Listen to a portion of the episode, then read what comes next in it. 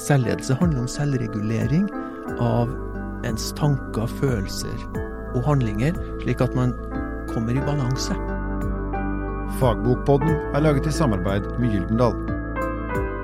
Lars Glasse, du er professor i organisasjonspsykologi ved Institutt for ledelse og organisasjon ved Handelshøyskolen BI i Oslo. Og så har du skrevet en bok sammen med Geir Thomsen og en rekke andre som vi skal komme inn på etter hvert. Som heter Selvledelse teori, forskning og praksis. Det første jeg tenker er jeg må ut av kosebuksa og få gjort noe når jeg har hjemmekontor. Gjelder den meg òg? Ja, ja, absolutt. Den gjelder Vi tenker jo at den gjelder alle, vi.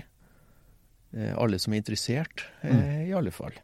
Ja, for det handler jo litt om ja. det å på en måte klare å se litt eh, på seg selv og strukturere seg selv absolutt. i en situasjon. Ja, det, det, er kjernen i det, faktisk. Men man må være villig til det, da.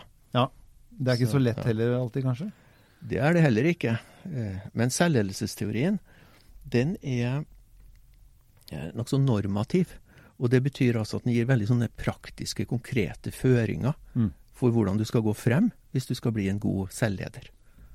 Ok, og da får du litt uh, tips, da? Da får du praktiske tips, rett og slett. Kan du et veldig bra et som, som uh, man kan bruke her? ja, jeg kan jo mange, men det aller viktigste kanskje, det er jo at man skal bevisstgjøres eh, på seg selv.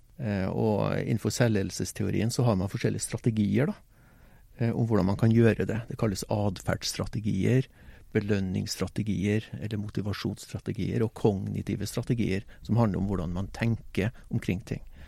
Og Hvis jeg skal ta et eksempel fra atferdsstrategien, så er bare det å først finne ut av hvordan ligger det an med saker og ting. Altså at man rett og slett begynner med en selvobservasjon. Og så undersøker man rett og slett hvordan man holder på med livet sitt kanskje en ukes tid eller to. Og så kan man også kanskje da bli litt overrasket over at man gjør en del ting man trodde man gjorde, og så gjør man en god del ting som man kanskje ikke trodde man gjorde, eller som man godt kunne tenke seg å la være å gjøre. Og da er man egentlig i gang, for da begynner man å vurdere hva gjør jeg egentlig med livet mitt, hvordan vil jeg ha det, og hvordan kan jeg på en måte skape en situasjon som er god for meg selv. Så det er en slags eh, observasjon eh, altså, og som skal være ærlig og på av deg selv, slik at du skal skjønne hva du bruker tid på, hva du nøler med, hva du kanskje ikke Nettopp. kommer i gang med osv., og, og hvorfor. Nettopp. Og det kan du gjøre på forskjellige arenaer også, da. Ja. Eh, men det er akkurat det. Men du må være ærlig, ja. Og da hjelper det ganske mye med et lite skjema hvor du faktisk registrerer litt sånn underveis eh, hva du faktisk bruker tiden din mm. til. For hvis jeg bare spør deg sånn over bordet, hva bruker du tida di til? Så vil du vanligvis svare litt sånn eh, glanspapiraktig om at du, du, er så rasjonell og du er så effektiv osv. Og, så og så undersøker du det, og så får du kanskje litt bakoversveis. Mm. Men da har du en mulighet til å gjøre noe med det. Okay. Så det, det, det, første det handler om, er å få en bevissthet på hva man, eh, hva man eh, Holder på med. Hva man holder på med, ja. ja. Det er ulike kapitler her. Eh, et ja. som er skrevet sammen med Kjersti Hatlevold, hvor bl.a. stikkordene er timeout og fra klokke til kompass.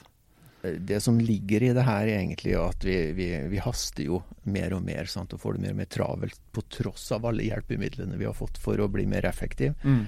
Så det, det det her sikter til, det er at man kan Timeout er å stoppe litt opp. Et kompass gir retning. Mm. Eh, og her er det på en måte en slags metafor for verdier. Gjør du det du på en måte føler er riktig for deg?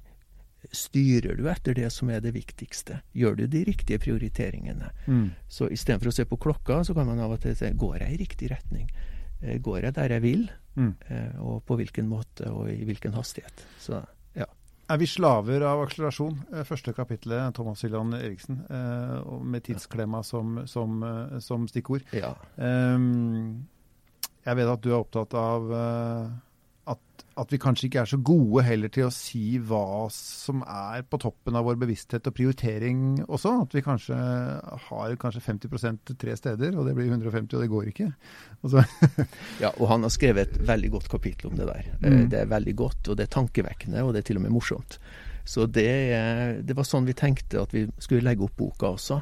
At han kommer inn, og så snakker han litt om det å problematisere Eh, både globalisering og digitalisering og, og PC-er og mobiltelefoner. Og, og, ender jo opp med å vise de her paradoksene med å få flere og flere hjelpemidler for å bli mer og mer effektiv, Mm. og så får vi det mer og mer travelt. Så han snakker også om å prøve å finne de her mellomrommene nå, da. Imellom hvor, hvor du rett og slett ikke er opptatt hele, hele veien for å på en måte eh, få tid til refleksjon, slappe litt av, finne deg sjøl. Altså en form for eh, kanskje mindfulness. Jeg vet ikke. ja. Når vi, vi- hvis vi ser på moderne arbeidsliv, hvor flere og flere mennesker jobber for seg selv, Ja. eh, kanskje mot prosjekter, de sitter ikke sammen lenger, eller innleid for en eh, periode når dette her skal gjøres osv. Um, og så peker du på hjelpemidlene som kanskje de som skal gjøre det lettere for oss, men så gjør det vi egentlig oss bare mulig å være enda mer effektive. Altså, Eh, er det en del av ditt budskap at vi prøver å på en måte begrense litt òg? Kan, kan det gå for fort? Kan det bli for mye? Kan vi bli for effektive, slik at vi eh, ikke har noe ålreit? Ja, det er litt av poenget da med både første og andre kapitlet i boka. Det at uh, det kan føre til en skvis rett og slett mellom at vi skal få gjort alt på kortest mulig tid. Mm. Og da blir vi jo stressa, og vi blir ute av oss eh, egentlig. Og, uh, så det med å så bruke de hjelpemidlene på en fornuftig måte, men samtidig se når de på en måte får den der skyggesiden. Mm. Eh, altså at det, det kan være mye bra ved hjelpemidler, men de, de kan også overdrives. Man er for lenge på sosiale medier. Mm. Man sitter for lenge på hjemmekontoret sitt. Så det med å lære seg også til å finne ut hvordan vil jeg egentlig ha det, og da kommer det der med grensesetting for en selv opp eh, ganske fort. Og så må man da strukturere tilværelsen slik at den blir bedre. Selvledelse handler om selvregulering av ens tanker, følelser og handlinger, slik at man kommer i balanse. Men hvis, redd, men hvis jeg blir redd da, for å tenke at eh, ok, eh, her sitter jeg og skal være i balanse, jeg sitter og føler at det, er et større bilde enn bare å få jobben gjort, ikke sant? Altså jeg har kanskje et, eh, et litt sånn filosofisk mindfulness-aktig eh, syn på det. Ja. Og så plutselig blir jeg slått av den derre, men hva med de som bare løper? Ja. Hva med de som bare stresser i vei, liksom, ikke tar de hensynene? Vil ikke de slå meg på målstreken og vel så det uansett? Eller kan jeg Ja, bli altså det er jo et konkurransesamfunn, da. Men vi vet jo det at hvis du investerer i deg selv eh, på en god måte, så yter du bedre. Mm. Og, og der tyr vi også til forskningen. Vi ser jo det at de som har lært seg, eh, eller får opplæring i, eh, i selvledelsesstrategier og Her har vi også eksperimenter med kontrollgrupper, så det er ganske god forskning. Mm. viser det at de som får den opplæringa, de, de presterer bedre, de er mer effektive, de trives bedre på jobben. Eh, De, de er mer villige til å yte ekstra hvis det er behov for det. De tenker, tenker mindre på å slutte. Og så kan du tenke deg et eksperiment her nå da, hvor en kontrollgruppe går og venter på at de også skal få den samme opplæringen. Mm. Og når de får den, så kan, kan man vise til de samme resultatene på et vis. Så det er ingen tvil om at her har vi noen reelle effekter som er gode for både den ansatte og for en virksomhet, hvis man tenker sånn. Så det vil si at jeg kan forsvare og ønske å ha det bra i en arbeidssituasjon som er konkurransepreget og i utgangspunktet stressende. Jeg blir bedre av det. Ja, eh, du blir faktisk det. Men Jeg har bare lyst til å høre det. Sånn. Ja. Nei, vi, har, eh, vi kan dokumentere det også. fordi at eh, noe som i gamle dager kalte vi for 9,1 og 9,9-ledelse. Og 9,1 var bare å produsere, og bare produsere og nå målene. Mm. Og det er effektivt på kort sikt. Men det er klart at folk blir jo helt utslitt. Mm. Og klart Har du nok arbeidskraft, så kan du bare hyre inn andre, og så ut med de som er utslitt, og over på Nav. Mm. Men eh, det er jo ikke sånn det skal være. Ikke er det helt lov heller. Nei, det er det heller ikke. Mm. Men utbrenthet sant, og, og til, til, til tider litt sånn arbeidsnarkomani også, fordi at grensene flyter ut, og det er jo gøy å jobbe også. Så man må passe seg litt. Men, men hvis man investerer i at folk får gjort jobben, og har en indre motivasjon som er sterk nok til at jobben er meningsfull, og man opplever mestring, samtidig som at arbeidsgiver investerer i deg som en person. Mm. Hvis du får de to tingene som, i kombinasjon, så er det det beste. Og Det betyr at du skal aldri gå på maks, du skal ha en optimal fungering som gjør at du holder over tid. Istedenfor at du er, er på maks styrke, og så sliter du deg ut etter et halvt år. Ja. Det høres ut som uh, Nesten ut som uh, femmil. Går du for hardt ut, så, ja.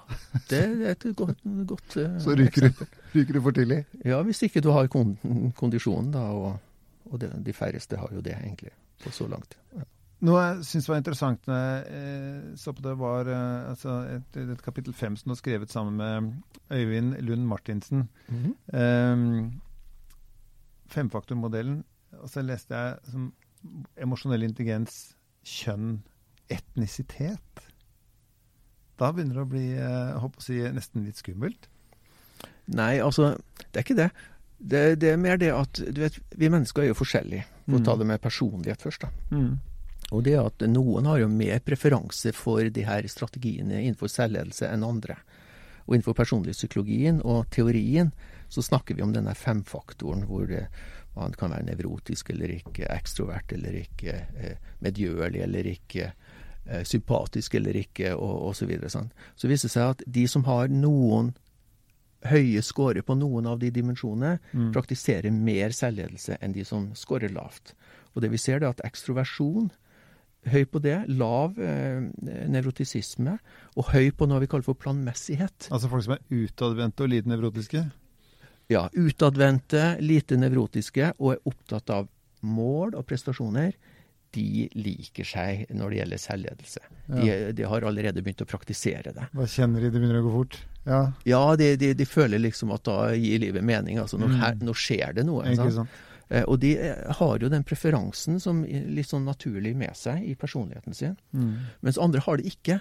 Og da må jeg bare få lov til å nevne at uh, de som ikke har det, de vil sannsynligvis ha enda større effekt for å begynne å praktisere selvledelsesteknikker. Fordi de har ikke tatt ut noe effekt enda. Det har de som har preferanse for det. Og det er ganske interessante ting at selv de som egentlig ikke er så veldig planmessig, som kanskje er litt nevrotisk og kanskje er mer introvert enn ekstrovert, også vil ha stor glede og nytte av å praktisere selvledelse. De ligger jo kanskje enda lenger unna, som du sier også. så nettopp, det er mer å hente først, på det. Ja, det er nettopp det. Mm. Akkurat. Men så var det resten, da. Du sa det med etnisitet og alt det. Ja, jeg får Konteksten er viktig. Ikke sant? Ja, Så det er ikke alltid at man kan drive på med det her og det er forskjellige kulturer også, at vår særledelse kan være, være, ligge i kortene. Sånn som her i Skandinavia, så får vi lov til å styre ganske mye selv. Mm. Andre land og kulturer kan man jo tenke seg at det er mye mer regelbundet og, og, og, satt i system, som gjør at man har mindre frihetsgrader. Så Sånne ting teller jo også, selvfølgelig. Så ev, sier du nå at evnen til selvledelse eh, øker eh, jo større grad av frihet du har? Nei, men eh, ev, muligheten til å praktisere selvledelse er avhengig av frihetsgradene dine. Ja, ok. Fordi at selvledelse handler veldig mye om å få lov til å ta styringa selv. Ja, For det aner meg en grad av barneoppdragelse her òg, ikke sant? Så her er kanskje litt viktig for foreldre, foreldre å slippe litt tak innimellom? Ja, men husk også at man kan ikke praktisere for enhver pris og for alle og enhver heller, eh, selv om det finnes en liten rest av selvledelse i de aller fleste situasjoner. Mm. Det finnes situasjoner hvor man ikke kan tenke selvledelse. Risiko. Eh, hvis jeg går på Nav og, og ber om en trygdeytelse, så kan ikke saksbehandleren, litt avhengig av dagsformen, gi meg en ytelse eller ikke. Her er det regler og prosedyrer mm. som bestemmer det. Mm. Mm. Hvis du er apoteker, så kan ikke du, hvis du er i dårlig humør, putte alle antidepressivene i, i feil pakke. Altså, du må følge med. ja. Og alt det som er definert som det skal gjøres, der har du ikke muligheten til å forandre på det. Men hvordan ting skal foregå, mm. der har du handlingsrommet ditt. Mm hvordan du skal betjene kunden, hvordan du selv skal forholde deg til jobben din, hvordan du selv skal lære å utvikle deg og finne ut av ting. Mm. Der har du muligheten. Evnen til selvledelse. Eh, er, det, er det forskjell på kvinner og menn? Eh, noen studier sier ja, og noen sier nei. så Derfor så sier vi at alle kan holde på med Når det gjelder alder, så vi har ikke så mye forskning på det, men det ser ut som at yngre driver mer med selvledelse enn eldre. Og når du nevnte det med emosjonell intelligens og sånn type ting, så jeg har undersøkt det også. så De som får høy score på det, de scorer også høyt på preferanse for selvledelse. Selvledelsesteorien den, den gir oss en verktøykasse. Mm. Så i, men bare så det er sagt, teorien og forskninga bygger på veldig mye god psykologisk eh, teori. Og jeg er jo psykolog, så jeg kan på en måte gå litt god for akkurat det med det tufta på læringspsykologi, god motivasjonspsykologi, kognitiv psykologi, eh, atferdspsykologi osv. Eh, og litt forskning på om hvorvidt vi egentlig også trenger ledelse eller ikke. Men det er kanskje noe vi kan komme litt tilbake til. Men så kommer den der verktøykassa, da, Så du kan tenke deg litt sånn kokebokaktig at du, hvis du bare gjør det og det og det, så sier teorien at da vil du få det bedre. Og forskning tyder på at eh, det kan stemme ganske godt, da. Og da er det de her strategiene, som vi også da sier i siste kapitlet. Uh, Atferdsstrategiene med observasjon og finne ut om hvordan du kan sette mål som er gode for deg, og hvordan du kan trene og praktisere for å bli bedre. Uh, belønningsstrategiene som sier noe om og gir deg tips om hvordan du kan belønne deg når, når du må gjøre oppgaver som ikke er så veldig gøy. Ja, ja. Og ikke minst noe som heter job crafting, som handler om å designe jobben din slik at den blir meningsfull og, og, og tilfredsstillende for deg selv. Mm. For å skape den der indre motivasjonen. Og så har du den kognitive tilnærmingen, og det er altså hvordan vi tenker. Vi driver og snakker til oss sjøl. Vi har jo sånne indre dialoger med oss selv. Sånn. Og du kan snakke til deg selv på en positiv eller negativ måte. Og mange driver med veldig mye sånn selvsnakk, eh, som da kan være negativt. 'Det her klarer jeg aldri. Det her skulle jeg aldri ha begynt med.' Mm. Og det virker veldig sterkt på oss. Mm. Så hvis man på en måte kan begynne å arrestere den slags type dialog i hodet, og erstatte det med mer sånn positivt Ok, kanskje jeg ikke klarer det første gangen, men jeg lærer noe som kanskje andre eller tredje gangen. Det er verdt et forsøk. Så kommer det til å skje noe med deg. Lars eh, Klasse, tusen takk for at du kom. Ja, tusen takk for at jeg fikk komme. Takk for at du lånte øre til Fagbokpodden, som er laget i samarbeid med Gyldendal.